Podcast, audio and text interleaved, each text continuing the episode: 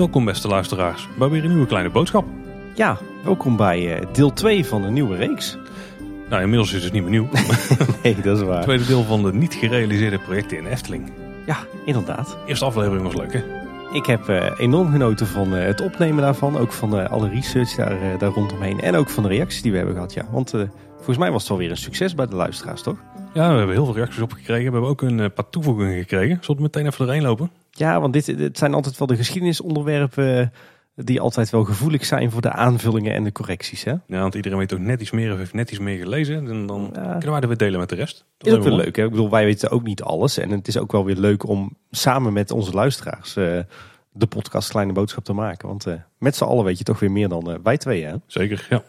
Dus kregen we een berichtje van Nicky Steenkist. Maar dit hadden we ook van een aantal andere mensen nog gehoord. Dat het voorgestelde ritssysteem van Quest. Dat was zeg maar een soort van mogelijke droomvlucht. Waarbij je een soort bakje had aan Zo'n schaarmechanisme ja. inderdaad, ja.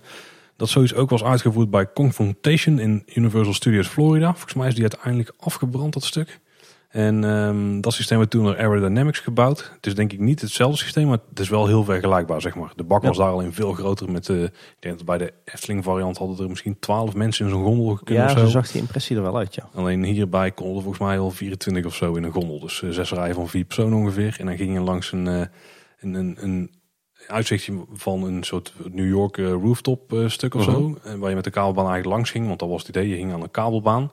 En dan kwam daar een grote King Kong en die sloeg daar een helikopter uit de lucht. En dat was best spectaculair. Ja, een beetje zoals in de Hollywood Tour. Ja, maar dan goed. Ah. ja. Volgens mij een, een, een Bob Gurr attractie ook. Die heeft die King Kong daar volgens mij eh, gemaakt. Een Disney legende. En we kregen nog feedback van Wouter van Noord. Het verhaal van de 1001 nachtshow in de Efteling doet me heel erg denken aan de Storybook Land Canal Boats in Disneyland Parijs. Een boottocht door een natuurlijk landschap en wel met sprookjes en in dit geval met Dark Ride.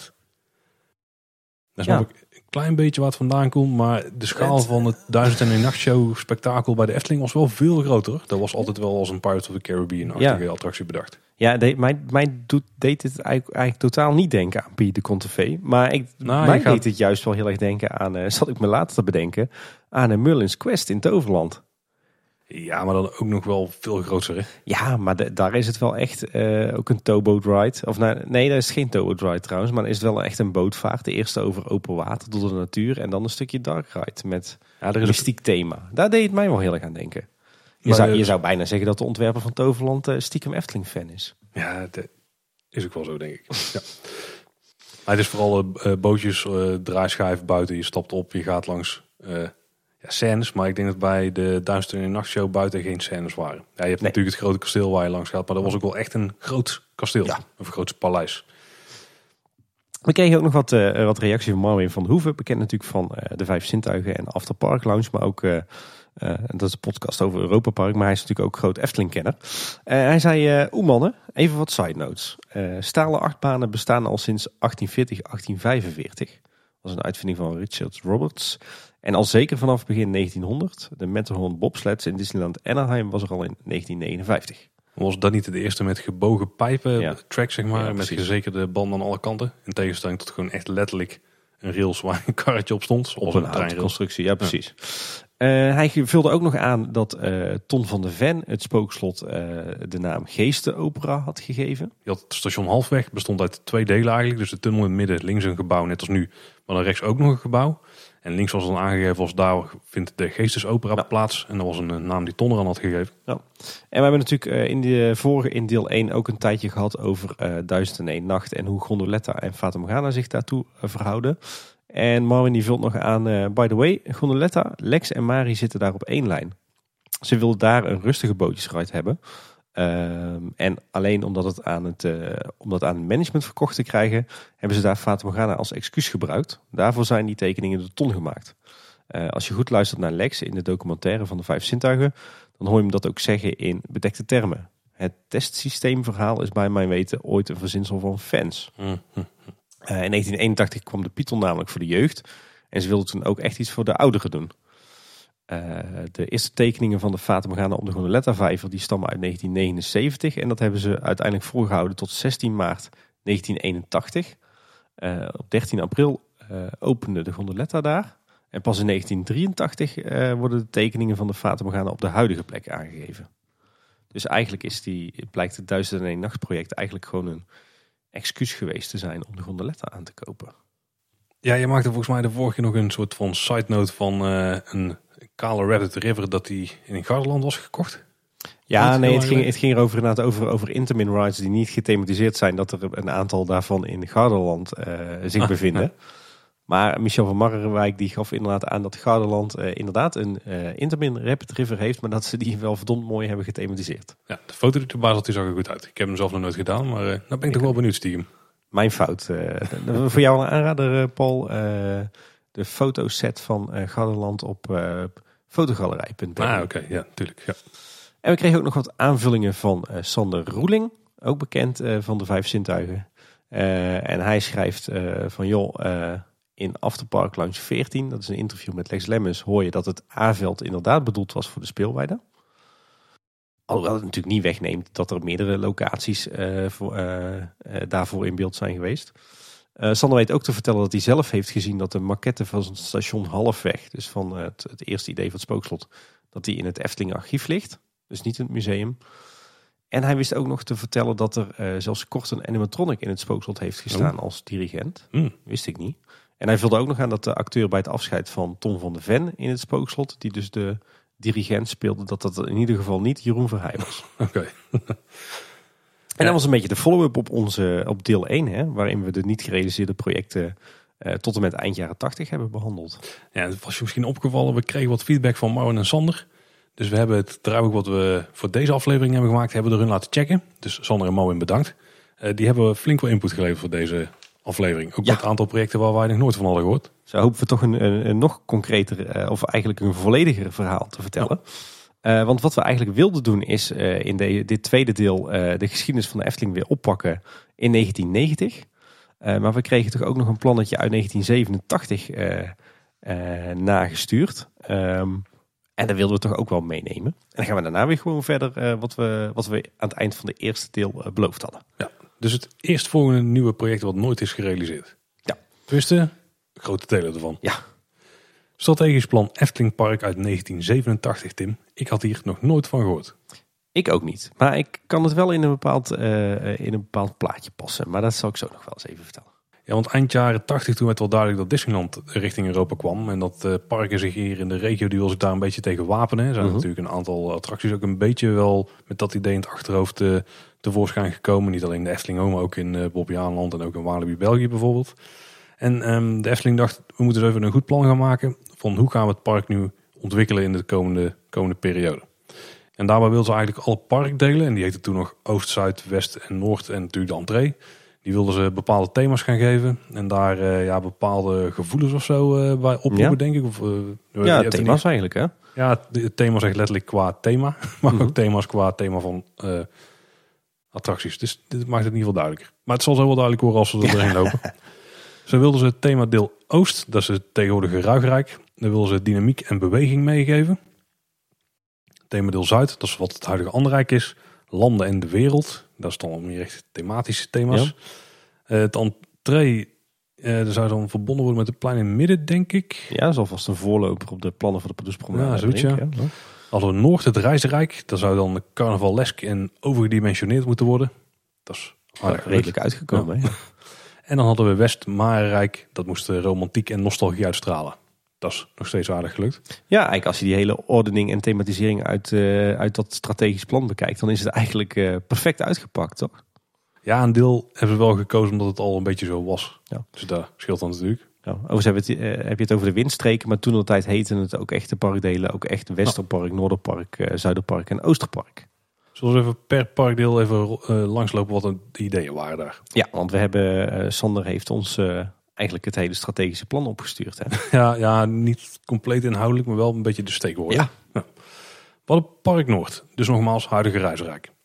Het, eh ze hadden daar een lijstje met mogelijkheden van opgenomen waar een paar bekende tussen staan. Hè. Let Ja. op, dit was 1987. Jungle Symphony, Ja, die hebben we de vorige keer besproken. Eh, maar ook Villa Vola, ja. ken je hem? jazeker. Kan me Villa Volta erbij voorstellen, 1987. Ja, nou ja, het, heeft ook, eh, het is ook bijna tot de opening van Villa Volta zo geweest dat die Villa Vola heeft geheten. Die T die is er pas op een heel laat stadium aan toegevoegd. En een discotheek. Ja, Het is ook bijna een beetje Scandinavisch stadspretpark, hè? ja bijna wel ja. En eh, daarbij denken ze dan verder nog aan eh, molens. Eh, ik denk dat het qua uitstraling is, hè? dus niet een, een, een draaimolen, maar gewoon echt molens. Een zwanenmeer, een watertuin, een kabelbaan en een station. Ja, Die missen we natuurlijk nou. Een station, ja, tenminste, er is wel een station geweest. station Noord, ja. Is dat van die periode of zou ze dan? Nee, dat is, die is verdwenen in de jaren tachtig, hè, toen ze het, eh, het stoomtreintraject rond hebben gebreid. Station Noord was het eindstation van de, het, eh, de spoorlijn. En eh, ze wouden, let op Tim, een show in café-restaurant gaan doen en een watershow op de plas. Ja, goede ideeën, toch? Ja. Eh, dan hebben we Parkdeel Oost. Over opvallend trouwens dat ze dus Villa Volta daar al eh, bedacht. Ja. Dat parkdeel. Ja, terwijl ze het al wel toen eh, het thema gaven carnavalesk en overgedimensioneerd. Ja, Hm. ja, past ik snap het misschien wel. daar bij Jungle Symphony meer. Maar Eh, dan hebben we Parkdeel Oost, oftewel het Oosterpark en nu het Ruigrijk. Eh, behoefte op korte termijn aan terrassen en uitbreiding verkoop. En behoefte op lange termijn aan 1 à 2 hoofdattracties. En bij mogelijkheden worden dan genoemd een wooden coaster, een suspended coaster Oh. en een canyon ride. Een canyon ride? Geen idee. Nee, geen idee. nee. En ook nog een glijbaan en een kabelbaan. Ja, misschien is een canyon ride hebben ze daar een beetje zo'n Big Thunder Mountain of zo bij Ja, gedacht. denk ik. Ja. Eh, dan hebben we Parkdeel Zuid, Zuiderpark oftewel Anderrijk. Eh, Overigens trouwens even terug naar Ruigrijk. Dat is wel grappig wat er eigenlijk is gebeurd. Dat die behoefte van de lange termijn, die is op de iets kortere termijn verwezenlijkt. En die korte termijn behoefte is dus bijvoorbeeld station de Oost zou je eronder kunnen ja, vervangen. zeker. Die is dan juist weer wat later gekomen. En uitbreiding van de verkoop ook met bijvoorbeeld de Ja. Game Gallery eh, met het stoepwinkeltje wat daar nou bij is eh, Ja. geklust. En alle andere station Oosten. De, de Likkenbaan Uitbreiding. 2.0. Ja, Ja. Oh, ja die ook nog ja. Ja. dus dat is een beetje ongewisseld. Want de hoofdattracties kwamen daar eerder dan die korte termijn uitbreiding. Parkdeel Zuid. Anderrijk tegenwoordig. Ja. Daar hebben we ook weer de korte termijn behoefte. Ja. Daar wil ze de vijvers gaan thematiseren. Meer terrassen aanleggen. Er zou een invulattractie moeten komen. En een horecapaviljoen. Het is eigenlijk wel bijzonder. Want juist het horecapaviljoen, dat is dan gekomen in... eh, dat is heel veel later trouwens hoor. Want ik, neem, ik stel me hier dus een beetje zo'n station Oost bij voor. Dus dat is uite- uiteindelijk Ja. in Ruigrijk gekomen. Een invulattractie. Eh, Dus dat- misschien de zes zwanen. een ander rijk, ja, een beetje de verkeerde kant. Thematiseren vijvers is natuurlijk ook een bijzonder verhaal. Ja, dat is wel enigszins gelukt nog. En wat mogelijkheden waar ze dan aan denken. Een steeplechase, een famuta. Dat zegt mij niks. Nee, ik zou het echt niet weten. Een animatieshow en dus die gethematiseerde vijvers. Een thema-restaurant. Een piranha-terras. Die hebben Dat hebben we tegenwoordig. En een VIP vampierbar. Ik weet niet hoe ze hier nou bij komen. Maar Marvin die schreef er nog over. Europa Park heeft tijdens Dramatica de Vampires Club. Een bar die van 11 uur tot 4 uur s'nachts open is. Dus dat is eh Giat van de Efteling. Ja. Nee. maar wat is een vampierenbar? Het is gewoon het, het thema. Ik denk het, dat zal natuurlijk aansluiten bij het, eh, het spookslot. Hè? En er is wel een VIP-bar. VIP, eh, bar. Dat is natuurlijk de Lorelei. Maar Ja. niet echt met vampieren. Nee. Maar toch een deel, deel verwezenlijkt.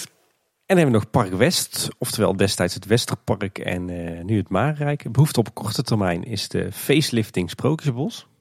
Dat is natuurlijk gebeurd hè, met het poetsen van de parel. Eh, het verplaatsen van de speeltuin. Dat is inmiddels ook gebeurd. Ja. Eh, en terrascapaciteit en thema food.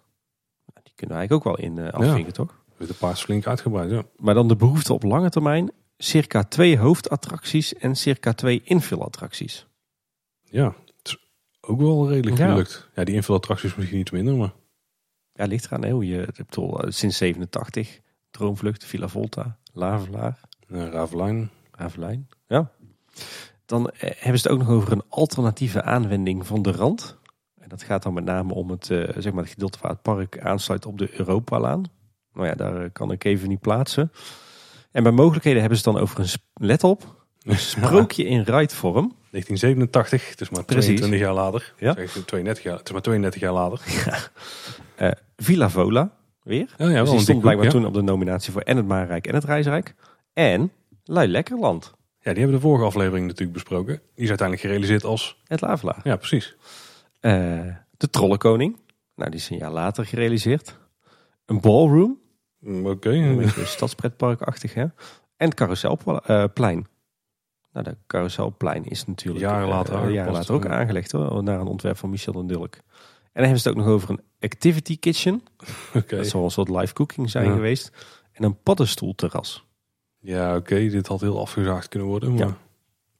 Ja. Ehm, ik denk eerlijk gezegd dat, eh, dat dit strategisch plan dat het ook gewoon een soort van masterplan is geweest. Net zo goed als we eh, de nieuwe Efteling kenden hè, uit eh, eind jaren 70, begin jaren 80. Ja. Die hebben we de vorige keer uitgebreid eh, behandeld. Ehm, maar zo weet ik dat er ook ehm, jarenlang een soort van plan is geweest wat ze de blauwdruk noemden. Misschien gebruiken ze dat nog wel, hanteren ze die term nog wel nog steeds. En eigenlijk is dat gewoon een soort masterplan voor de komende decennia voor het park.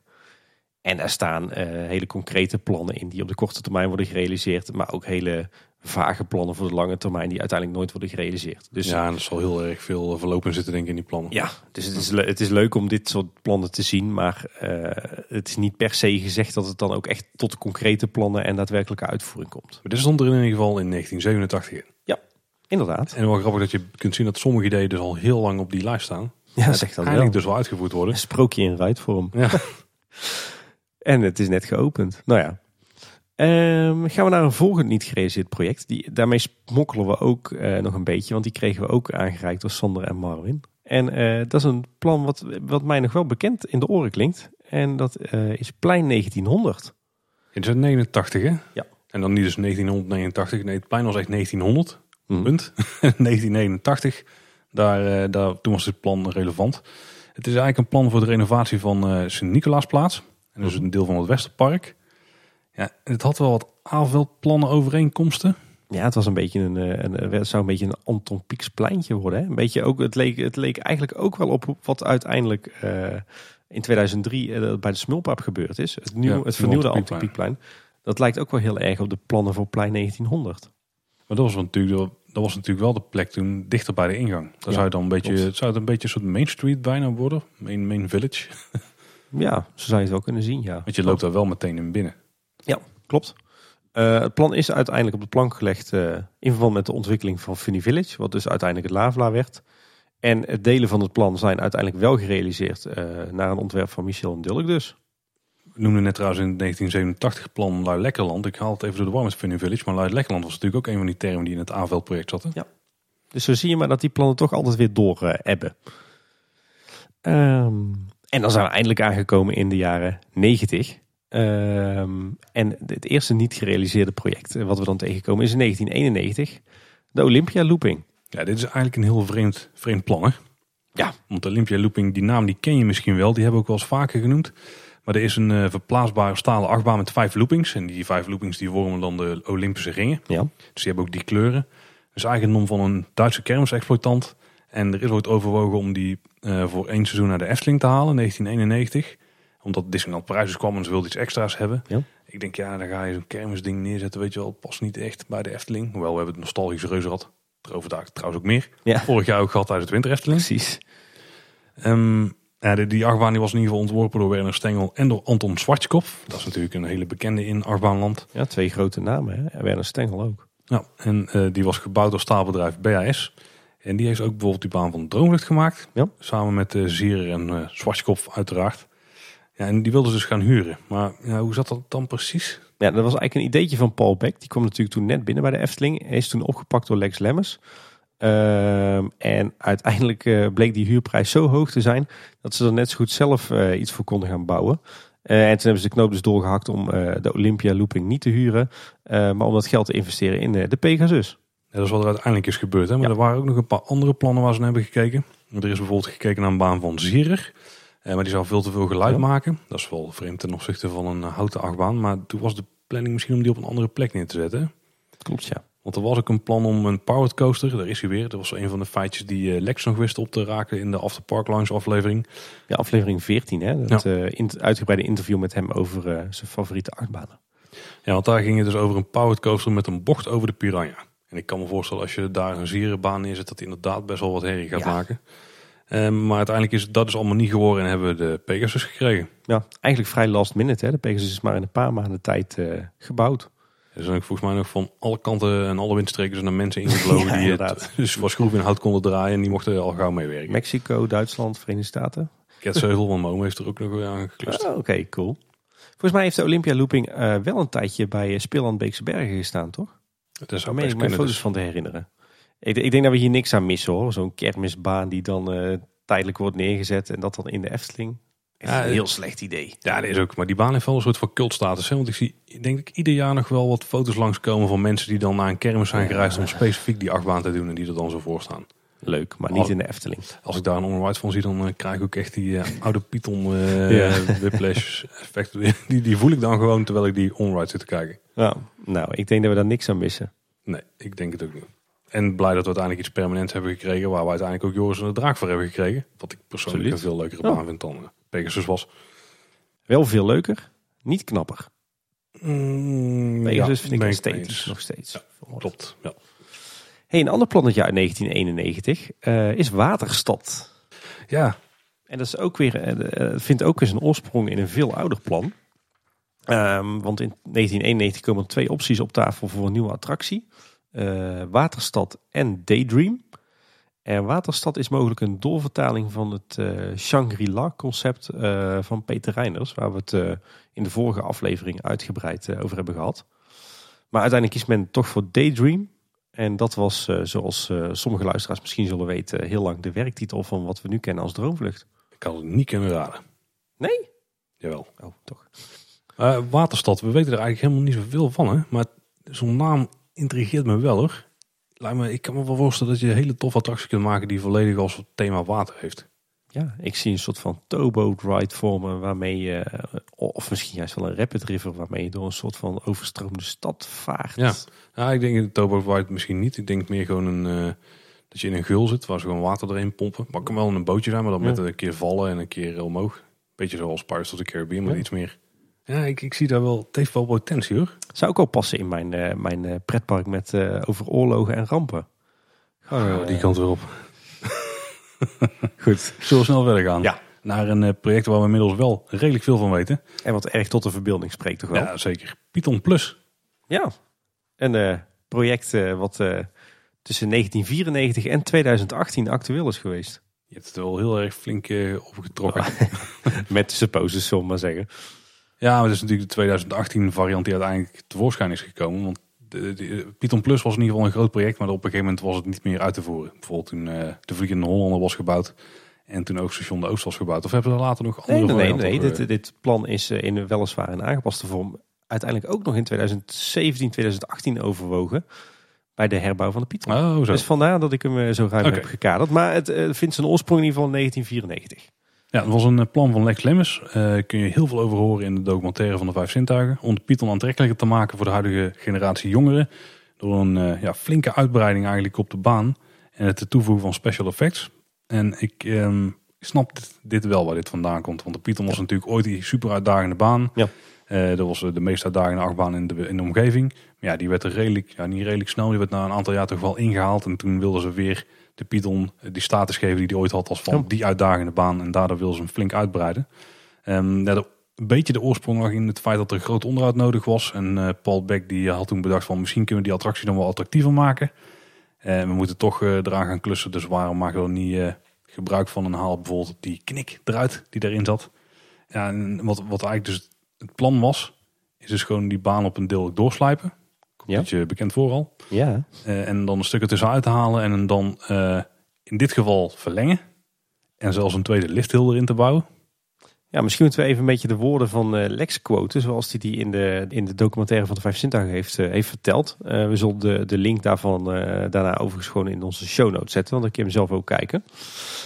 Maar Lex die vertelt... Ik wilde de baan spectaculairder maken door hem door te zagen direct naar de tweede looping. Daar zou de baan dan via een camelback de kanovijver induiken. Onder de grond door een tunnel. En dan verticaal in het midden van een wink- winkeltje naar buiten flitsen. En vervolgens middels een sidewinder weer horizontaal naar een tweede lift. Er was in het ontwerp een tweede lift voorzien van 40 meter hoog, waarna een val onder een hoek van 60 graden zou volgen. Opnieuw de grond in, vele ride-effecten en waarbij de corkscrew dwars over het rangeerspoor zou aansluiten op de bestaande Bayern-curve. Nou, dan weten we een beetje wat eh, de verloop van de Python Plus zou zijn. Hè? Ja, klinkt spectaculair. Ja, overigens hebben ze volgens mij ook eh, in die documentaire van de vijf zintuigen eh, Python Plus gebouwd zoals die zou worden. Hè? In, eh in in een simulatieprogramma. Dus dat is echt een aanrader om te kijken. Eh overigens zou, die, zou de Python Plus dan eh, vijf treinen krijgen, maar liefst. En daarmee een capaciteit hebben van 3500 personen per uur. Ja, dat twijfel ik echt ten zeerste aan of dat er realistisch was. Als dat zou kloppen, ik heb het net even uitgerekend, we hebben 28 eh, personen per trein. Mhm. Ik neem aan dat dat hetzelfde zou blijven, want anders zouden ze de huidige lift en zo niet kunnen gebruiken.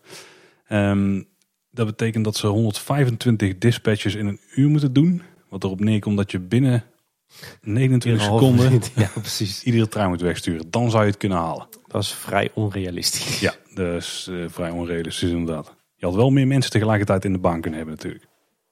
Dat is waar. Het was ja. best wel een concreet plan. Het blijkt dat er, eh, er is ooit nog een maquette voor gemaakt. De tekeningen hebben zelfs bij de gemeente ter inzage gelegen. Eh, maar uiteindelijk is het plan gestrand in de jaren 90 omdat het niet, financieel niet haalbaar was. Overigens niet zozeer per se vanwege de kosten voor de baan, maar ook omdat er nog een horecapunt bij moest komen. En wat we al zeiden is het plan ook nog eventjes overwogen, eh, eigenlijk in de aanloop naar het groot onderhoud wat uiteindelijk in 2018 heeft plaatsgevonden. Maar het is toen eigenlijk snel afgeschoten in verband met eh, de haalbaarheid en eh, de ruimte die er nodig was in relatie tot Joris en de Draak en de Vliegende Hollander die Ja. inmiddels waren bijgebouwd. Ja, je had natuurlijk wel een nieuw plan kunnen ontwikkelen, maar ze hebben gewoon ervoor gekozen om die nostalgisch op aarde te behouden. Ja. Staal met een verhaal was daar ook een beetje. hè? Ja, was meer staal zonder verhaal. Ja, ja. Maar eh, Python Plus, denk toch wel een van de projecten die eh, het meest tot de verbeelding spreekt. Ja. In ieder geval bij mij als, eh, als kind en als tiener ook wel. Wat, wat vind jij ervan, Paul? Was je hier vroeger voorstander van? En met de kennis van nu? Natuurlijk was, was ik daar vroeger voorstander van. Maar als ik nu dan terugkijk en ik had, en ik had dan weer een uitbreiding van zo'n VK-baan gezien. Mhm. Op de manier zoals de Python origineel was gebouwd. We waren natuurlijk jaren verder, hè, dus het had wel Ja. wat soepeler en zo kunnen worden. Maar daar stemmen dan toch niet heel erg positief. Maar wat, wat ik wel heel erg mis bij de huidige Python is, het is gewoon nog steeds die oude baan, weet je wel. Het is nog steeds gewoon voor mij een beetje het prototype achtbaan. Waarschijnlijk omdat we ermee zijn opgegroeid. Maar ja, weet je wel, je hebt gewoon de basiselementen van een baan. eh kurkentrekker, loopings en een eh, soort helix. En die zet je achter elkaar en, en daarmee heb je een achtbaan. Ja, het is gewoon die, die waar de Python ooit voor stond. Daar staat het gewoon echt niet meer voor. En het is tegenwoordig gewoon een van de lastige banen in de Efteling bijna. Ondanks de inversies. Mhm. Eehm, ja, het, is niet trouwens niet zo heel lastig. Wel heel sterk gesteld misschien. Want de loopings en zo zijn nog steeds best wel krachtig. Maar ja, weet je. Het is een hele basale baan eigenlijk, hè? Ja, het heeft geen eh, thema wat dan tegenwoordig steeds belangrijker is. En, maar, maar het is echt vooral... Het is geen, niet die uitdagende baan die de Python ooit was. En als je Python Plus Ja. had gehad, dan had je nog steeds wel een uitdagende baan gehad. Ja. Die ook veel afwisselender was dan, eh, ja, dan die standaard bouwpakket achtbaan elementen achter elkaar. Ja. En dat was wel tof Ja. geweest. Maar ja, als ze die helemaal hadden moeten retracken, dan waren ze 7 miljoen kwijt geweest. Dan hadden ze hem denk ik al gesloten. Ja, ik moet zeggen, ik, ik zit er net wat anders in. Ik, als, eh, destijds in de jaren negentig eh, vond ik het altijd grote onzin. Ik had toen zoiets van, eh, behoud alsjeblieft de Python zoals die is, als icoon. Eh, daar ga je toch niet een, een, soort van 2.0 variant van maken. Dan kan je hem beter afbreken en iets totaal anders neerzetten. Zo heb ik er altijd over gedacht. Ik heb dat Python Plus eh, project ook altijd een beetje megalomaan eh, gevonden en ook niet realistisch. Maar ik ben er toch wel een klein beetje anders over gaan nadenken na de, zeg maar de, de renovatie van de Python in 2018. Eh, in eerste instantie was ik daar heel erg content mee. Hè, omdat de Efteling toch zei van nou, de Python moet eigenlijk weg. Maar we willen die vanwege die iconische waarde en die nostalgische waarde willen we hem behouden. En dan gaan we hem exact dezelfde vorm herbouwen. Toen was ik er nog heel enthousiast over. Maar later heb ik wel zitten bedenken van ja, de Efteling heeft daar eigenlijk maar een klein beetje beurs mee gecreëerd. Het, het is even in het nieuws geweest, maar ik heb nou niet de indruk dat er daarna eh, dat het nou heel veel heeft gedaan voor de bezoekersstromen. Terwijl het dus toch een aantal miljoen heeft gekost om de Python te herbouwen als zodanig. Met de kennis van nu denk ik wel eens van, ja, als ze toen de Python hadden willen behouden, was dat misschien toch een juist moment geweest om, weliswaar in een aangepaste vorm, maar toch alsnog zo'n Python Plus project tot uitvoer te brengen. Juist omdat je daarmee denk ik wel echt een nieuwe baan had neergezet en mensen had getrokken. Ja, dat denk ik ook. Ja. Dus daarom ben ik daar een beetje over van mening veranderd. Ik denk nu achteraf dat die keuze om gewoon hetzelfde te behouden en te herbouwen, dat dat misschien tot te weinig heeft geleid. Ik denk dat die iconische waarde die de Python altijd had in het aanbod, dat die echt wel is afgenomen de afgelopen tien jaar. Zeker na de bouw van eh, Joris en de Draak en het Baron. Ja. Ik denk dat het gewoon, eh, En ik moet zeggen dat ik die effecten zoals eh, in het water schieten met een tunnel en dan onder het water onder de grond door en dan verticaal omhoog schieten in een winkeltje. Ja, dat zijn wel dingen waarvan ik denk van wow, dat had ik wel willen meemaken. Ja, dat gaat niet gebeuren, Tim. Nee, dat is waar. Maar gelukkig hebben we nog zat andere, andere mooie baantjes in de Efteling staan. En eh, op de verlanglijst voor strookrekken. Een volgend project. Ongeveer ergens in de jaren 90 is niet helemaal duidelijk. Maar Wang Po. Ja, daar is een beetje discussie over. Hè? We, we kennen een tekening van Ton van de Ven voor Wang Po. En dat is een beetje een oosters uitziend gebouw. Eh, heeft wat weg van Villa Volta, maar ook wel een klein beetje van de huiskamer van Willem van der Dekken. Van het huis van Willem van der Mhm. Dekken. En er is eigenlijk altijd aangenomen dat dat een, eh, een alternatief voorstel voor een madhouse was van Ton. Eh, vandaar ook de datering medio jaren 90. Maar Marvin die wist te vertellen dat in een persoonlijk gesprek van de Vijf Zintuigen met Ton, eh, dat, dat Ton daar zelf in aangaf dat Wang Po, helemaal niet als madhouse bedoeld was. Eh, maar hij heeft niet verteld was wat het dan wel bedoeld was. Maar bekend was dat Ton heel veel tekeningen heeft gemaakt. eh ja, troedels schetsen als mogelijk thema voor een attractie. Nou. En hierbij dus een attractie waar je in ieder geval in kon. Ja. Maar verder was het vooral eh, nog een eh, façade. Ja, een beetje saillant detail is wel dat Wang Po eh, de naam is van een viaduct in de Birma spoorlijn. Hm. En die heeft nogal een nare ontstaansgeschiedenis. Dus misschien was het ook helemaal niet zo'n goede attractienaam of thema. Nee, de naam niet, maar die is zo veranderd. Dan eentje die we de vorige keer al een beetje hadden aangehaald. Heksenketel. Want we hadden natuurlijk al een paar eh, heksgerelateerde attracties eh, gehad. In ieder geval met een beetje griezelen en zo. Die, eh, vooral de, de jongen die eh, met de hele lange naam, het? Die jongen die, die op reis ging om griezelen te leren. Zo. Het is bijna nog steeds een Disneyland Parijs attractienaam. Maar in ieder geval, dat dat was een, een griezelthema. Dan hadden we nog de heksenkelder, die daar mogelijk onderdeel van was. Of misschien toch iets anders, dat was niet helemaal duidelijk. Ja, de heksenkelder was, was, leek ook weer op een scène in het, de achtbaan met Zwitsers berglandschap op het A-veld. Ja, dus allemaal heksendingen. Ja. Maar we hebben nu dus de heksenketel. En dat was dan weer een, een soort alternatief voor het thema van indoor achtbaan. En daar zat wel een soort van twist aan. Hè? Want je zou als bezoeker zou dan een soort ingrediënt zijn in een ketel. Ja. Die dan eh, over een baan zou suizen. Beetje bizar. Ja, ja het was voor, het, het was bijna als een spinning coaster. Maar Ja. Nou, wat, wat bekend is, is dat het een pitch van Vekoma zou zijn voor het thema van een, eh, een nieuwe indoor achtbaan. Eh, wat op zich bijzonder is, want volgens mij eh, is het toch zo dat de Efteling ontwerpafdeling ook toen tijd al de thema's bedacht. En zeker niet een achtbaanfabrikant. Eh, Vekoma heeft geen spinning coasters, of wel? Misschien Mm. wilden ze die juist in de markt Ja, zetten. en dachten kunnen. van, dit is een logisch thema. Gezien Efteling, sprookjes, Ja. heksen. Volgens mij was het eh, ook een beetje een soort spiraal waarin je naar beneden reed, toch? Het idee was in ieder geval dat je als een soort van ingrediënten van de heksentoverdrank eh rondkolken zou in een baan. Maar uiteindelijk is dat vogel ook geworden. En eh, Ja. niet de heksenketel. Daar kunnen we best blij mee zijn, denk ik. Hoewel een spinning coaster in de Efteling zou ik ook wel mooi vinden. Ja. Hoeft geen rode te zijn. Dan was er eh, omstreeks het jaar 1996 een plan voor een nostalgisch reuzenrad. Oeh, maar daar weten we eigenlijk heel weinig van. Hè? Ja, gewoon niets. Nee. Niets meer dan dat. Het zal wel iets groter zijn geweest denk ik, dan degene die we afgelopen jaar hebben gehad op het eh Steenbokplein. Maar ja, verder weten we er ook niet Ja, zo dat is een beetje de relatie inderdaad. Hè? De relatie met nu en met de toekomst. Want we weten uit het geruchtencircus dat er eh, plannen zijn voor een nostalgisch re- reuzenrad in eh, de uitbreiding van Reizenrijk. Was het niet het plan om dat richting het Anton Pieckplein te doen? Ja, volgens mij wel. Dat zou ook qua thema natuurlijk goed Ja. passen. Ja. Dan gaan we verder naar een project wat eh, met Produce te maken had. Want Symbolica was zeker niet het eerste idee voor een Produce attractie. Nee, absoluut niet. Ook niet het tweede idee. Nee. Daar hebben we het allemaal later over. Nee, want eind jaren 90 was er het idee voor het huis van Pardoes. Ja. En dat was een idee van Henny Knoet natuurlijk voor een eigen permanent huis van Pardoes op de Brink. Ja, en als je een beetje kijkt naar de uitstraling, ja, dan zie je de Produce eh, fritsels zie je er wel in. Maar het is grofweg is het een, een soort huis wat op een soort eilandje staat. Met een, eh, ja, een- een- ik denk dat het in een vijver staat. Het is niet echt een slotgracht. Nee. Wel met een paar brugjes die er naartoe lopen. Waar je als een soort kijksprookje dan in kon gaan. En het is een, eh, ja, een huis met veel uitstekende daken. Eh, een beetje wel, ja, toch wel een beetje van die laagste invloeden. Maar wel overal met dakpannetjes en niet met, eh, niet met strootdaken. En eh daar zouden dan wel wat toverelementen in zitten met een soort eh rond spiraal, of een spiraal die rondom de hoge dakpunt ging. Die dan met allemaal bollen eraan ja, een beetje in een soort van kraaiennest uitkwam. En ik krijg hier heel erg van die eh, Robinson Treehouse gevoelens bij, weet je wel. Of de Tarzan Treehouse, Ja. of weten die eh, Disney dingen. Ja, klopt. Van eh, zeg maar, gebouwen, of in dit geval, in Disney geval zijn het meer bomen. waar je dan doorheen kunt lopen en allerlei ruimtes kunt aanschouwen waar de mensen die daar normaal gesproken wonen dus leven. Ja, want het idee was inderdaad dat de bezoekers zouden kunnen zien hoe Pardoes leeft, woont en slaapt. Pardoes zelf zou je daar niet kunnen zien. Het moest zeg maar lijken alsof dat hij net even weg was. Mhm.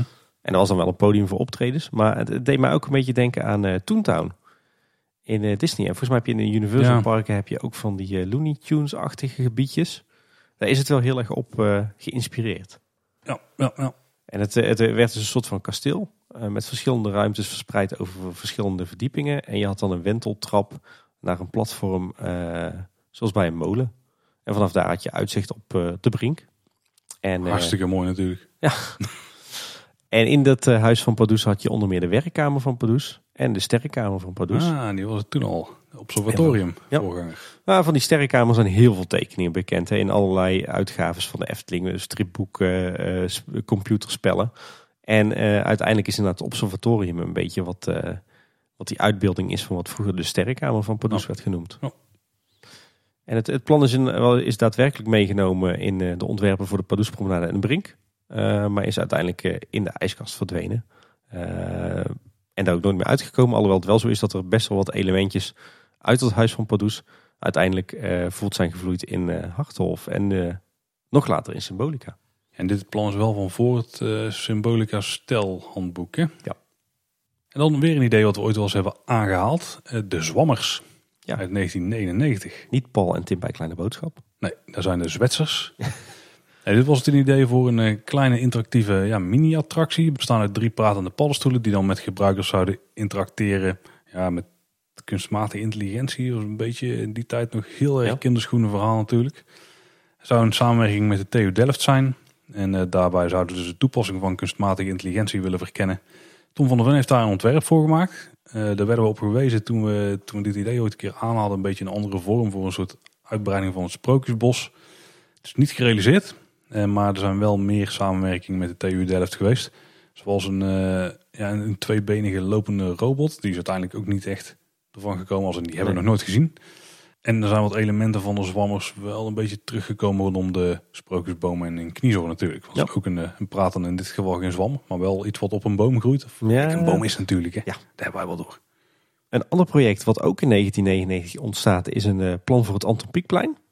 Ehm, en dat is uiteindelijk uitgevoerd eh, in 2003. We hebben het er al eerder over gehad hè, met plein 1900. Eh, het Anton Pieckplein zoals we dat nu kennen naar ontwerp eh, van Michel en Dulk. Met onder meer de smulpaap en de suikerbuik. Maar het plan uit 1999 was eigenlijk twee keer zo groot. Want daarin werd ook het gedeelte zeg maar op de voormalige locatie van het kinderspoor meegenomen. En dat gedeelte is uiteindelijk niet uitgevoerd. Ja. Dus vandaar dat je daar nog zo'n raar restantje hebt van de oude Game Gallery West. Eh, met die open vlakte waar vroeger het, eh, het zwembadje was. En eh, natuurlijk de hele kale locatie van het kinderspoor. Maar in de eerste plannen uit eh 99 werd dat dus wel meegenomen. Dat was bijna een Anton Pieck dorpje geworden. Ja, zeker. Ik geloof dat daar ook een cafeetje in zat en een toiletgroep. En eigenlijk allemaal voorzieningen die we nu een beetje missen in die hoek. hè? Ja, een cafeetje. Goh, zit er nog eentje in de buurt daar? Atlantis Watercoaster. Ja, dit is een hele intrigerende. Eh, want die komen op zich niet op veel plekken tegen in eh, de literatuur. Volgens mij zelfs niet op Eftepedia. Maar als ik het goed eh, terugzoek in mijn Wonderchat-archieven... dan is er zo tussen ongeveer het jaar 2000 en 2004 sprake geweest van een, een heel hardnekkig gerucht onder de fans. Mhm. De Atlantis Watercoaster dus. En dat zou een watercoaster van Mak worden. Heel erg vergelijkbaar met Poseidon in Europa Park. Je Mhm. kent hem misschien wel. Ja. Weer een he- hele vette attractie. Eh, alleen zou die als thema krijgen de verzonken stad Atlantis. En even voor wie niet precies weet hoe dat ziet, eh, zit. Eh, Atlantis is een mythisch eilandenrijk uit de van oorsprong oud-Griekse literatuur. dat door een catastrofe plotseling zou zijn vergaan. En er is grote onduidelijkheid over de realiteit van het verhaal en de mogelijke locatie van het eilandenrijk. Maar de vraag is nu dus van ja, mogelijk is dit een optie geweest in aanloop naar de Vliegende Hollander.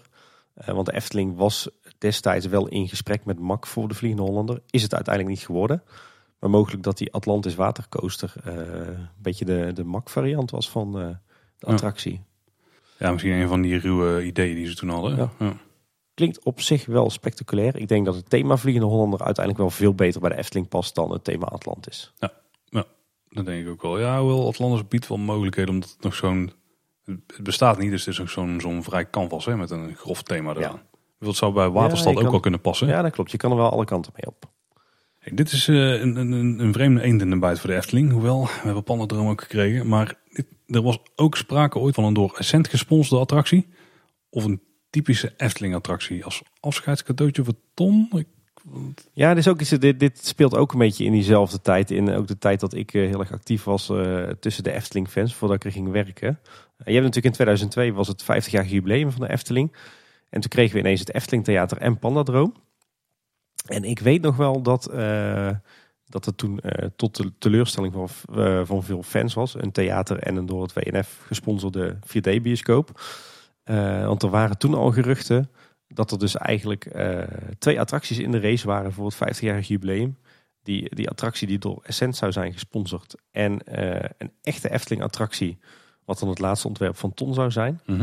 En die twee zijn uiteindelijk dus doorgeschoven, wordt gezegd. Omdat de Efteling toch in 2002 eerst het Theater en Pandadroom wilde openen. Maar wat het nou precies voor attracties waren en waarom ze zijn doorgeschoven... en wat dat afscheidscadeau van Ton dan zou zijn, dat is dus allemaal niet bekend. Ah, die ligt nog eens in een laadje natuurlijk. Kijk, en uiteindelijk is de laatste echte Efteling-attractie die Ton heeft ontworpen daarmee Vogelrok. Ja, je zou kunnen zeggen de voorgevel en de foyer van het theater, maar Nog als je kijkt naar attracties, dan is het Vogelrok. Maar meer weten we daar eigenlijk niet van. Hmm. En er is nog een project waar we niet zo super veel over weten. Dat is namelijk Duimenlijntje. Dat was in 2003 eh, relevant. Een eh, sprookje natuurlijk van Hans Christian Andersen. En Michel den Dulk die heeft daar dus een ontwerp voor gemaakt. Een beetje in de stijl van het meisje met de zwavelstokjes. Maar ik heb het ontwerp nooit gezien. Dus ik Nee. weet verder ook niet het fijne daarvan. Michel is eh, vrij kort daarna natuurlijk vertrokken. Eerst naar Europa Park en later naar Disney. En eh, daarmee zal dit plan dus waarschijnlijk ergens onderaan de stapel terecht zijn gekomen. En ik is denk de kans dat we het ooit nog gaan zien niet zo heel groot. Maar in, wie eh, weet in Frozenland in Disneyland eh, Parijs misschien. Hè? zit hij daar stiekem mee in. Ja. Ja. dat zou kunnen. Ja. Je weet ooit nooit. Ehm, weer zo'n intrigerend plan waar we weinig van weten. Zo omstreeks 2004 en ook weer van Michel en Dulk. Is het ontwerp voor een vervallen energiecentrale. En dat was een ontwerp voor een divecoaster.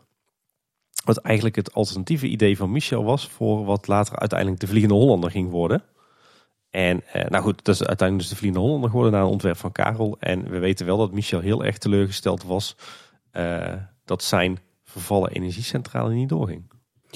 Kan ik me wel voorstellen uiteraard. Maar dat zal iedere ontwerper hebben als een plan van hem niet, eh, niet doorgaat. Ja. Nou vraag ik me even af, zou dit dan misschien die door Essent gesponsorde attractie zijn geweest? Oeh, dat zou, met, ja, het zou Een kunnen. Maar interessante link ik natuurlijk. denk hè? dat een vervallen energiecentrale nog steeds wel een tof onderwerp is hoor. Ja, daar heb je ooit al, daar heb je Ja. verschillende afleveringen heb jij dat al gezegd dat dat wel een heel interessant eh, thema zou kunnen zijn. Maar met, er is wel wat overlap met de bron natuurlijk. Ook eh, schoorstenen en zo'n gebouwtje zou een beetje in diezelfde stijl Ja. kunnen. Ja. En ik had het idee bij de schetsen die ik hierbij zag dat dit meer zo'n, eh voor wie is dat? Zo'n Eurofighter eh, baan is. Van Gerslauer. Was meer een beetje het idee wat ik kreeg bij eh, de baan. Zo'n heel recht Oh. eh, omhooggaande Ja. lift ook. Die volgens mij in een tunnel, want je ging in een tunnel omhoog. Een soort toren. Maar dan recht omhoog, gewoon 90 graden omhoog zeg maar. En dan, eh, ja, dan buig je ze om en dan val je naar beneden. Stel ik me voor, daar heb ik geen schetsen van gezien. Mhm. Maar dan kreeg wel een beetje van die eh Gerslauer Eurofighter vibes, Hmm. zeg maar. Nou, wat ik weet zou het een divecoaster worden. Ja, dat, dat is ook recht naar Ja, beneden als Dat is je, ook zo, ja. Maar dan niet met het vasthouden. Overigens interessant is dat hij in eerste instantie gepland stond voor de plek waar nu station de Oost eh, ligt. Hm. Ehm, maar uiteindelijk hebben ze dus de plannen voor de divecoaster, eh even los van of het nou die vervallen energiecentrale zou worden of Baron 1898, hebben ze verplaatst naar de huidige locatie vanwege, of eigenlijk ter voorkoming van geluidsoverlast. Oeh, ik weet niet hoe dat dan met de uitbreidingsplannen aan de oosten Ja. zit. Want dan krijg je dezelfde problemen als je daar spectaculaire hoge dingen neer gaat zetten. Ja, maar nu is het, eh, eh, toen was het natuurlijk met het bestaande bestemmingsplan en nu gaan we dat wijzigen. Ja, er zitten al wat eh, dingen voor ingebouwd inderdaad. Volgens mij is er één tekening bekend van dit ontwerp en die staat volgens mij op Eftepedia bij het lemma over Michel den Dulk, toch? Eh, volgens mij zijn er zelfs twee tekeningen bekend. Eentje van Oh. de lift die omhoog gaat en eentje van een beetje een blik door een tunnel waar je doorheen kan lopen door het gebouw heen. Vergelijk met het spookslot, zeg maar. Ja. En nou, dan moet je je mond gaan dichthouden, of niet? De Vliegende Hollander 1.0 en 2.0 speelden een beetje in periode 2004-2005. Ja. Eh, want ja, je zou kunnen zeggen dat uiteindelijk de Vliegende Hollander 2.1 is gerealiseerd. Of misschien 2.1. Oké, er, er, was, er, er was in ieder geval een eerste plan. En daarna een heel ander tweede plan. En uiteindelijk is de uitgeklede variant van het tweede plan van Karel gerealiseerd. Oké, dat is dan onze 2.1. Het is een evolutie van 2, hè? Ja, dat is waar. Ja, daar mag je dus niet zoveel over zeggen, Tim. Dus ik moet maar een beetje afgaan op wat er op FTpedia stond. Eh, daar staat, initieel zijn de plannen voor de Vliegende Hollander groter dan wat men daadwerkelijk gaat bouwen. Er is sprake van overdekte horeca in het attractiegebouw. Oeh, een beetje vergelijkbaar met Pirates of the Caribbean misschien. In plaats van daarbuiten, van een concept met twee verticale liften en elf dark ride scènes, waaronder een open polderlandschap. Oeh, dat klinkt goed. En een flinke haven. Dat klinkt altijd goed. En van een plotselinge drop over de rand van een waterval. Klinkt ook al goed. En in een wat latere variant zijn de secties binnen teruggebracht tot het definitieve aantal, maar is er buiten nog sprake van meer banen in het duinlandschap, waaronder een extra helix en een tweede tunnel. Uiteindelijk komt men om technische en budgettaire redenen, nou die technische kan ik me wel voorstellen, want de boot gaat er nu maar amper eh, doorheen, tot een compactere layout zoals die in het park te vinden is. Klinkt toch wel heel, heel tof. Ja, budgetair kan ik me ook wel voorstellen dat het ingewikkelder was. En technisch inderdaad, ja, de baan, eh, ik snap waarom die baan wat korter is geworden.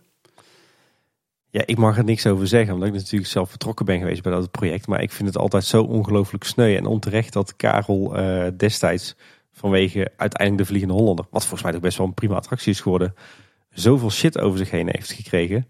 Terwijl ik heb de tekeningen van, eh, laten we zeggen, de Vliegende Hollander 1.0 en 2.0 gezien. Ja, als dat wel gerealiseerd had kunnen worden, joh, dan hadden we hier echt een attractie van wereldniveau staan, die echt subliem was.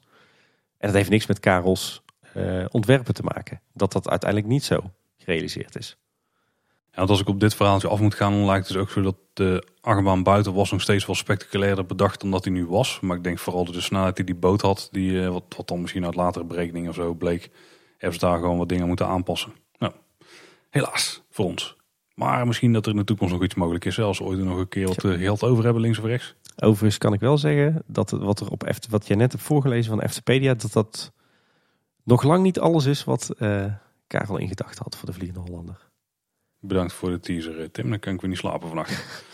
De Vijf Zintuigen die had daar nog wel iets over te melden. Aanvankelijk was het de bedoeling om de lift, om daar een LSM-lift van eh, te maken. Dus zo'n lancering. Om zo als verrassingselement de boot voldoende snelheid te geven om naar buiten te gaan. Dus was het dan een soort lancering op de lifthill of zo? Ja. Hm, Dus dat in plaats van de huidige ketting. We hadden dan inderdaad het plan wat we net vertelden van de vervallen energiecentrale van Michel den Dulk. En er was ook nog een plan van Tom van der Ven en Lex Lemmers voor een soort Expedition Everest-achtige bergattractie. Staat hier met water, wind en vuureffecten. Ik heb dat ook gehoord in die, die eh, Toren des Gods of zo eh, plannen.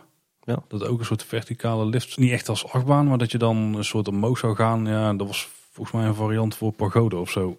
Of een alternatief of iets. Vreemd verhaal ook. Maar misschien dat dit dus die afscheidsattractie van Ton is geweest die in eerste instantie voor 2002 gepland stond. Oh ja, nou. En zo valt alles toch weer in elkaar. Hmm. Maar inderdaad, een attractie met water, wind en vuureffecten, dat lijkt ook wel op die torenattractie. Hè? Ja. Ik denk uiteindelijk als je alles naast elkaar eh, zet, denk ik dat we heel blij mogen zijn dat het uiteindelijk toch de Vliegende Hollander is geweest. Want ik denk dat dat qua thema en qua storytelling wel het beste bij de Efteling past. Juist vanwege die Nederlandse regionale focus. We zullen het nooit weten, maar Nee, ik denk het wel. Een projectje waar ik wel wat van mag vinden is eh, veel kleiner van orde. Uit 2008 stamt die. Eh, Theater Anderrijk. Dat is ook alweer elf jaar geleden, maar dat voelt Zo, echt als de dag van gisteren dat het speelde. Het eh, Theater Anderrijk is een niet uitgevoerd plan voor een openluchttheater in het Anderrijk. Ongeveer tegenover het Silent Vergat en dan tegen de Gondoletta Vijver aan. En tegenwoordig vind je daar zeg maar, het, het wandelpad richting Bron 1898. Dat plan werd gemaakt na de sluiting van het eh, Efteling Theater als eh, theater voor parkshows. Om toch een volwaardig entertainment eh, te behouden. Eh, en eind 2008 wordt uiteindelijk daadwerkelijk de Piraat gesloopt en de zwembadlaan eh, verlegd om ruimte te bieden aan het theater. Maar het plan wordt dan toch in de ijskast gezet. En met de komst van in 2011 is het theater niet meer nodig en wordt het definitief op de plank gelegd. En daarmee heeft Anderrijk geen theater. Nee. Wat op zichzelf wel bijzonder is, want ik weet dat het plan wat destijds gemaakt is, dat dat eh, eh, bestond uit een eh, groot theater, buitenlucht dan wel binnenlucht, voor ieder rijk. Ja, we hebben er in Reizenrijk ook niet echt een. Nee, Ja, we hebben nu het hele kleine podiumpje van Jokie en Jet, maar telt niet echt hè. En Ruigrijk heeft geen theater. Nee. Nee. Dus dat is eigenlijk is dat hele hoofdproject gewoon niet gerealiseerd. En dan een hele spannende. Ja, dit was weer zo'n attractie waarbij ze heel erg hoog schoten, denk ik. Of mikten in ieder geval. Ja. Maar het niet helemaal leken te gaan raken. Dit is wel een van de krenten uit de pop voor deze aflevering, denk ik. Dat denk ik ook wel, ja. En dat is Harthof. Ja, Wat Harthof. natuurlijk de, de voorloper van Symbolic is. Bedoeld op exact dezelfde locatie. Op midden in het park, attractie rondom Pardoes. En eh, dat was dus de werktitel van, eh van een Dark Ride. in eerste instantie gepland voor 2012. Natuurlijk ook een eh, jubileum, het 60 jaar jubileum van de Efteling. Eh, en uiteindelijk is die pas eh, in 2017 opengegaan, dus 15 jaar later, of 5 jaar later. Maar is symbolica. En wat hier wel bijzonder aan is, dit is ook gewoon echt aangekondigd geweest. Heel, Ja. heel erg groot. Bart Ja. de Boer natuurlijk, die kwam ermee naar buiten. Er zijn ook maquettes van gebouwd en die zijn ook getoond. Er zijn Ja. ook heel veel foto's van. Dus als je FTPD checkt, dan kun je die prima daar vinden. Maar uiteindelijk is er helemaal niks mee gebeurd. Het is een beetje doodgezwegen. En ook bij een vragenuurtje georganiseerd door de Vijf Zintuigen en Team Park is het nog eh ter sprake gekomen. Ja. Zo'n drie weken voordat uiteindelijk het symbolica werd aangekondigd. Ja, Dus precies. En op dat moment wisten ze nergens iets van, zeiden ze. Nee, er waren altijd iedere keer als er iets bij de brink gebeurde, was het van, hé, hey, Harthof, ze gaan beginnen. Maar dat was niet. Tot op Dan het werd er weer wel een zo was. ja, precies. Dan werd er weer een bloemak geplaatst. Nou ja, wat was uh, Hartenhof? Ehm Hartenhof was dus een, eh, een dark ride in het teken van Pardoes. Eh, opvolger van de plannen voor het huis van Pardoes, waar we het eerder over eh, hadden gehad. En eh, werd in 2010 aangekondigd als de jubileumattractie voor 2012. Zou 42,5 miljoen euro gaan kosten. Zo.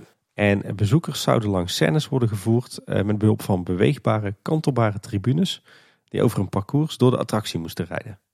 Dus wat doet, je dat dan, ja, wat doet ons dat aan denken?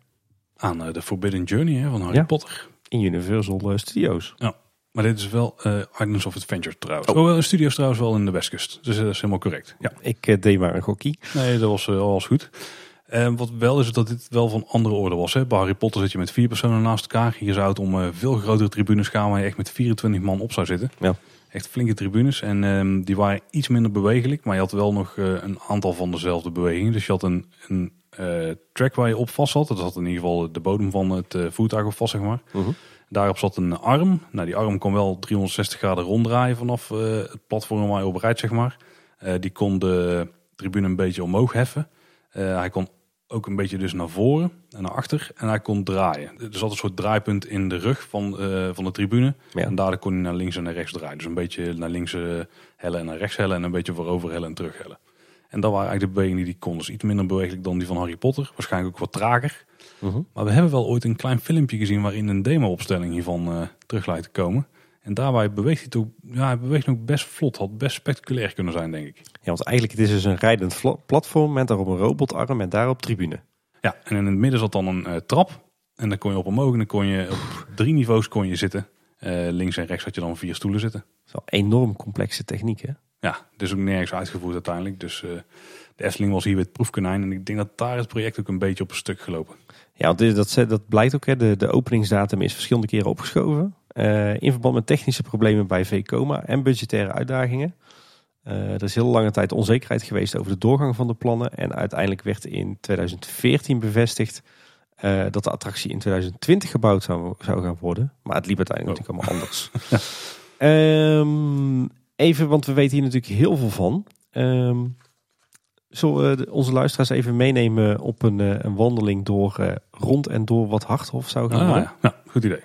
Nou, het, het was de bedoeling dat Harthof zou eh, verrijzen aan de westelijke oever van de Siervijver.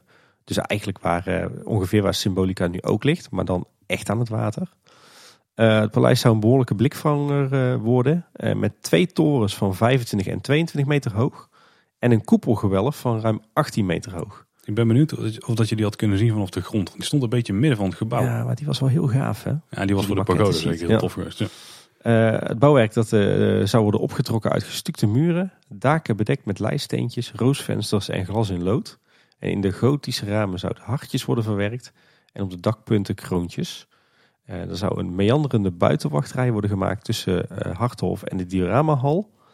En aan de achterzijde van het gebouw zouden er trappen komen eh, die naar een serre zouden leiden, die bezoekers uit lieten kijken over de Siervijver en de Gondoletta.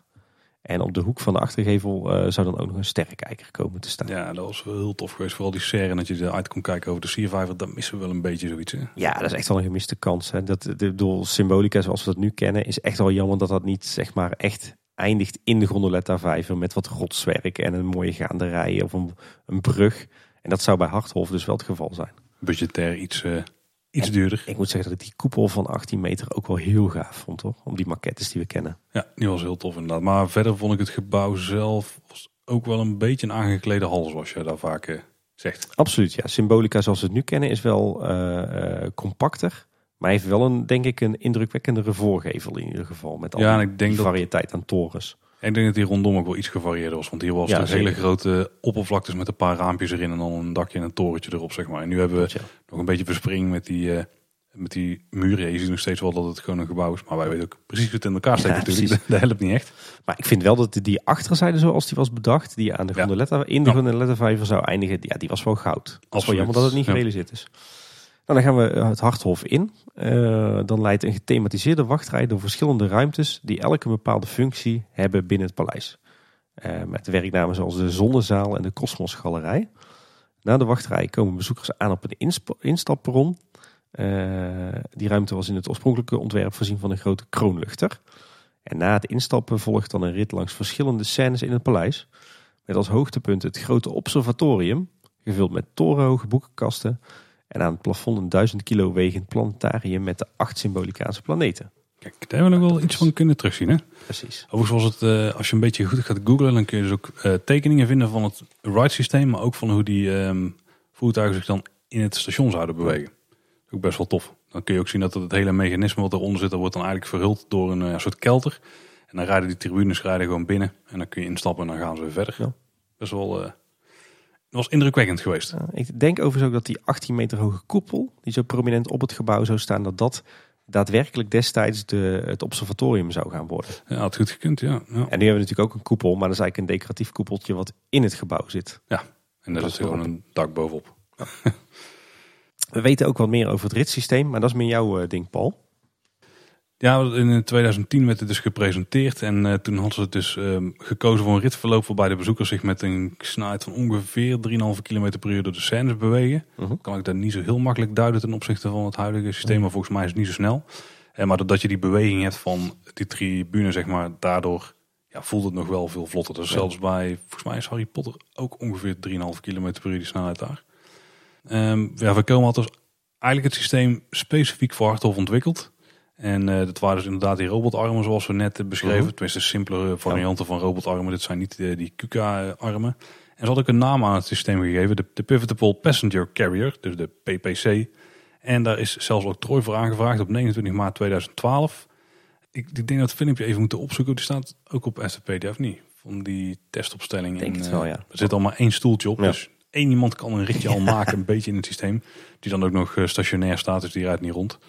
Ja, uiteindelijk is het systeem verder nooit meer verkocht. Dus uh, ja, het hele Harthof project is door Vekoma in ieder geval verder niet gerealiseerd. Die hebben er niks meer mee te maken gehad. Mag ik weer uh, een stevige uitspraak doen? Van mij wel. Ik ben blij dat dit niet is geworden. En dan doe ik vooral op het transportsysteem.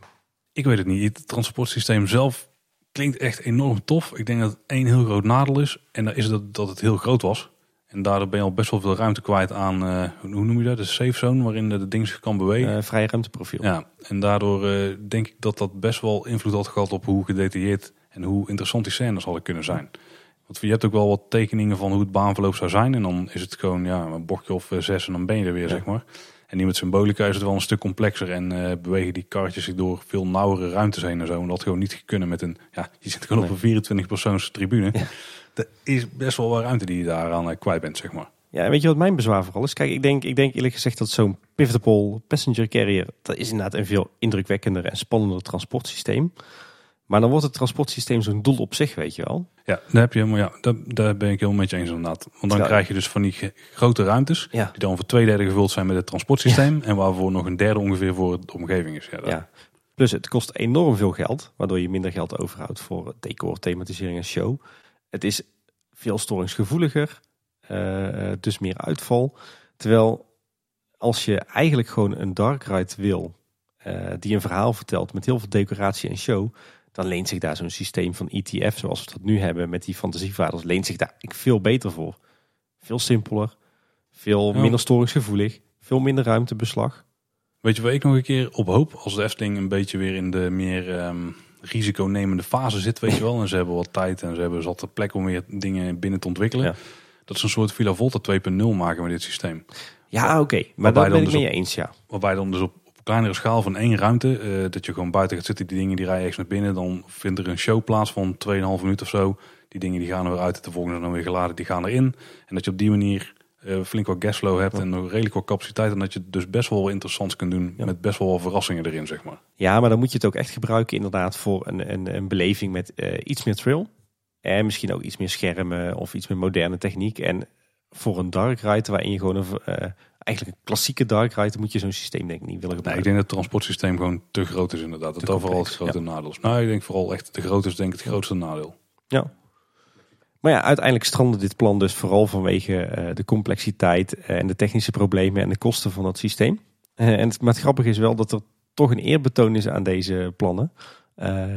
Hè, want uiteindelijk is Symbolica dus gerealiseerd in 2017, dat weten we allemaal.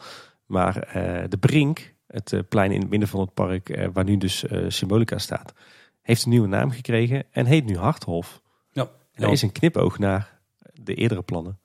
Ja, deels. Hè, want eh, je hebt natuurlijk de wereld van Symbolica, dat is waar in leeft. En Harthof is daar het, eh, volgens mij het hof in gewoon, Ja. dus letterlijk. Dus een beetje de hofhouding, Ja. het kasteel en alles wat er omheen gebeurt. Het is een beetje vreemd dat ze het nu hebben gewisseld. Maar volgens mij hebben ze die namen gewoon puur ge- gekozen gebaseerd op internationaal klinkend of werkend. Ja, want, want Symbolica, want het is nu Symbolica Paleis der Fantasie. Dus Symbolica is hoe het paleis nu heet. Terwijl in de originele verhalen van Henny Knoet was Symbolica de naam van de planeet waar Pardoes op leefde. Ja, en Harthof was gewoon het kasteel. Dus dat is Ja. een beetje vreemd omgewisseld in het kader van internationalisering. Ja, precies. Ja. Wat, wat overigens de allerleukste knipoog is, is, daar moet je maar eens naartoe gaan als je eh, op de Pardoespromenade staat en je moet plassen. Ga dan naar de toiletten, zeg maar, die aan de buitenzijde van Polles Keuken zitten. Als je daar naartoe loopt, eh, dan loop je ook richting die buitenverkooppuntjes die daar zitten. Glad ijs en eh eh, de gebrande, ja. Dan zie je op de gevel een muurschildering. En dat is eh, nog echt een originele geveltekening van wat Harthof zou worden. Ja, want die toren, die hoogste toren die we nu hebben, die zat er ook in. Hè? Die Ja. was daar wel groter volgens Ja, mij, wel lomper. Dat was een van die, eh, die grote hoge torens. Je ziet wel dat Symbolica ook aan de buitenzijde nu wel een soort, eh, wel redelijke aansluiting vindt op wat Harthof ooit zou zijn. Ja, ja, ik snap wat je wilt. Ja, ja dat was een leuk, leuk interessant project. Inderdaad. Maar ik denk dat we uiteindelijk gelukkig mogen zijn met wat het, dat het überhaupt nog gerealiseerd is en hoe het gerealiseerd is. Want ik denk dat, dat er uiteindelijk relatief gezien veel meer geld in decoratie, vormgeving, eh, showtechniek is gaan zitten dan bij eerdere plannen. Zeker. En dan hebben we een project wat ook ja, een beetje rond 2012 relevant was. Een eh, Flying Theater. Ja. En eh, dat was een eh, wens van Bart de Boer. Daar kwamen we een paar jaar geleden achter toen hij dat volgens mij Ja. in- bij Loopings meldde. Toen ze me Ja, belden over het een of het ander. Ehm, en die wilde dus een Flying Theater openen in de Efteling. Ja.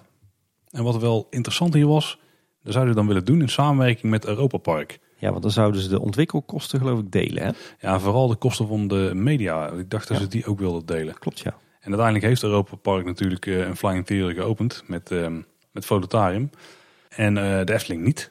Nee. Ja, dus we weten eigenlijk niet wat er meest gebeurd. Het kan ook gewoon een idee zijn geweest. Een keer met Dat de familie. Mak over gehad. Nooit echt eh, verder uitgewerkt en uh, that's it. En ik heb het idee dat heel veel ideeën van Bart de Boer rechtstreeks de prullenbak in zijn gegaan naar zijn vertrek. Dat misschien wel, ja. Maar na een keer of twee bespreken, dan was het misschien ook wel alles Ja, wat het, precies. wat het leven van het project binnen de Efteling was geweest. En dan komen we alweer aan bij het, het allerlaatste niet gerealiseerde project wat wij, eh, waar wij weet van hebben. In deze aflevering. In deze aflevering, ja. En dat is eh Lummels. Ja, Iedereen zat erop te wachten natuurlijk. ja precies. Eh, een concept uit wat in 2013 zijn oorsprong vindt. En dat is een plan voor een infill-attractie naast het Lavelaar. Zeg maar op de voormalige locatie van het kinderspoor. Eh naar de animatieserie Lummels. die vanaf eh, 2016 te zien was in de verblijfsaccommodaties van de Efteling.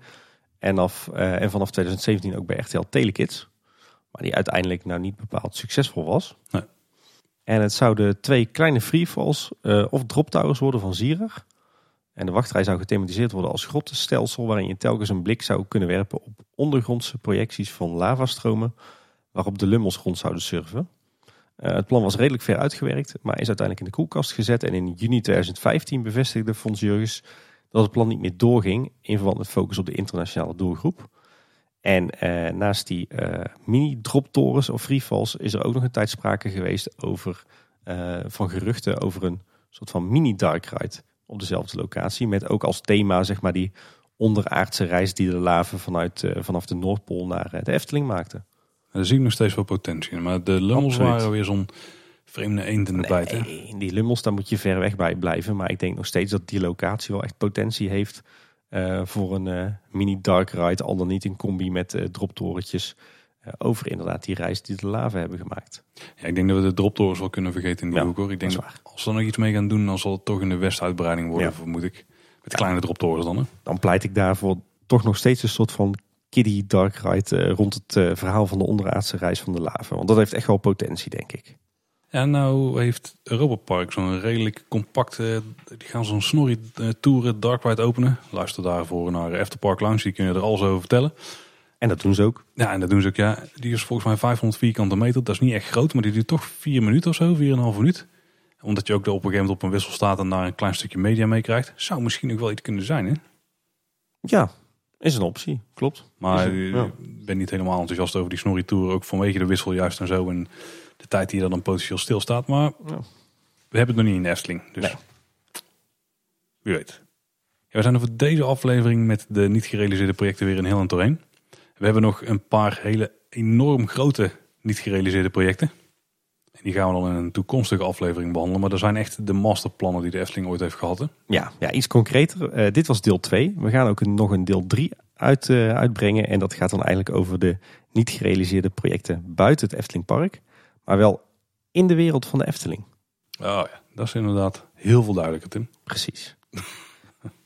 Heb je nou toch nog feedback op onze aflevering? Of heb je toch nog van projecten gehoord waarvan je denkt, die hadden jullie ook moeten bespreken? Laat er zeker aan ons weten, want wij leren daar graag over bij. Absoluut. En als moet maken we zelfs een deel 4 van deze reeks. Ja, zeker. zeker. Of een 2.5 uh, of 2.1 of 2 ja, Precies. Goed, goed opgelet, Paul. Uh, wil je die aan ons kwijt, dan kun je die denk ik het beste via ons contactformulier of via de mail insturen. Contactformuliertje vind je op kleineboodschap.com slash contact. Of je klikt het gewoon bovenaan op kleineboodschap.com in het formulier. In het minuutje natuurlijk. Ja. Of je mailt naar info.kleineboodschap.com en dan komt het uh, netjes bij ons aan. Voor opmerkingen of uh, korte vragen kun je altijd Twitter gebruiken. Edka Boodschap zijn we daar. Of Instagram of Facebook als je op andere manier ons wil uh, contacteren. En we zijn te vinden in alle podcast apps. Dus uh, zoek ons daar op als je dat niet al had gedaan en abonneer je even. En je kunt natuurlijk ook Spotify gewoon gebruiken of een reviewtje achterlaten op Apple Podcasts. Heb ik nog iets van gras niet voor je voeten weggemaaid nou Tim? Of? Nee, ik zit hier met verbijstering te luisteren Paul. Ik hoef niks meer te zeggen. Ik, ik ga naar bed denk ik. Dat lijkt me ook, ook een strak plan. Wel met mijn vrouw, niet met jou als jij het goed vindt. Dat lijkt me nog veel strakker plan. Goed. Nou, bedankt voor het luisteren. Tot de volgende keer en houdoe. Houdoe waar.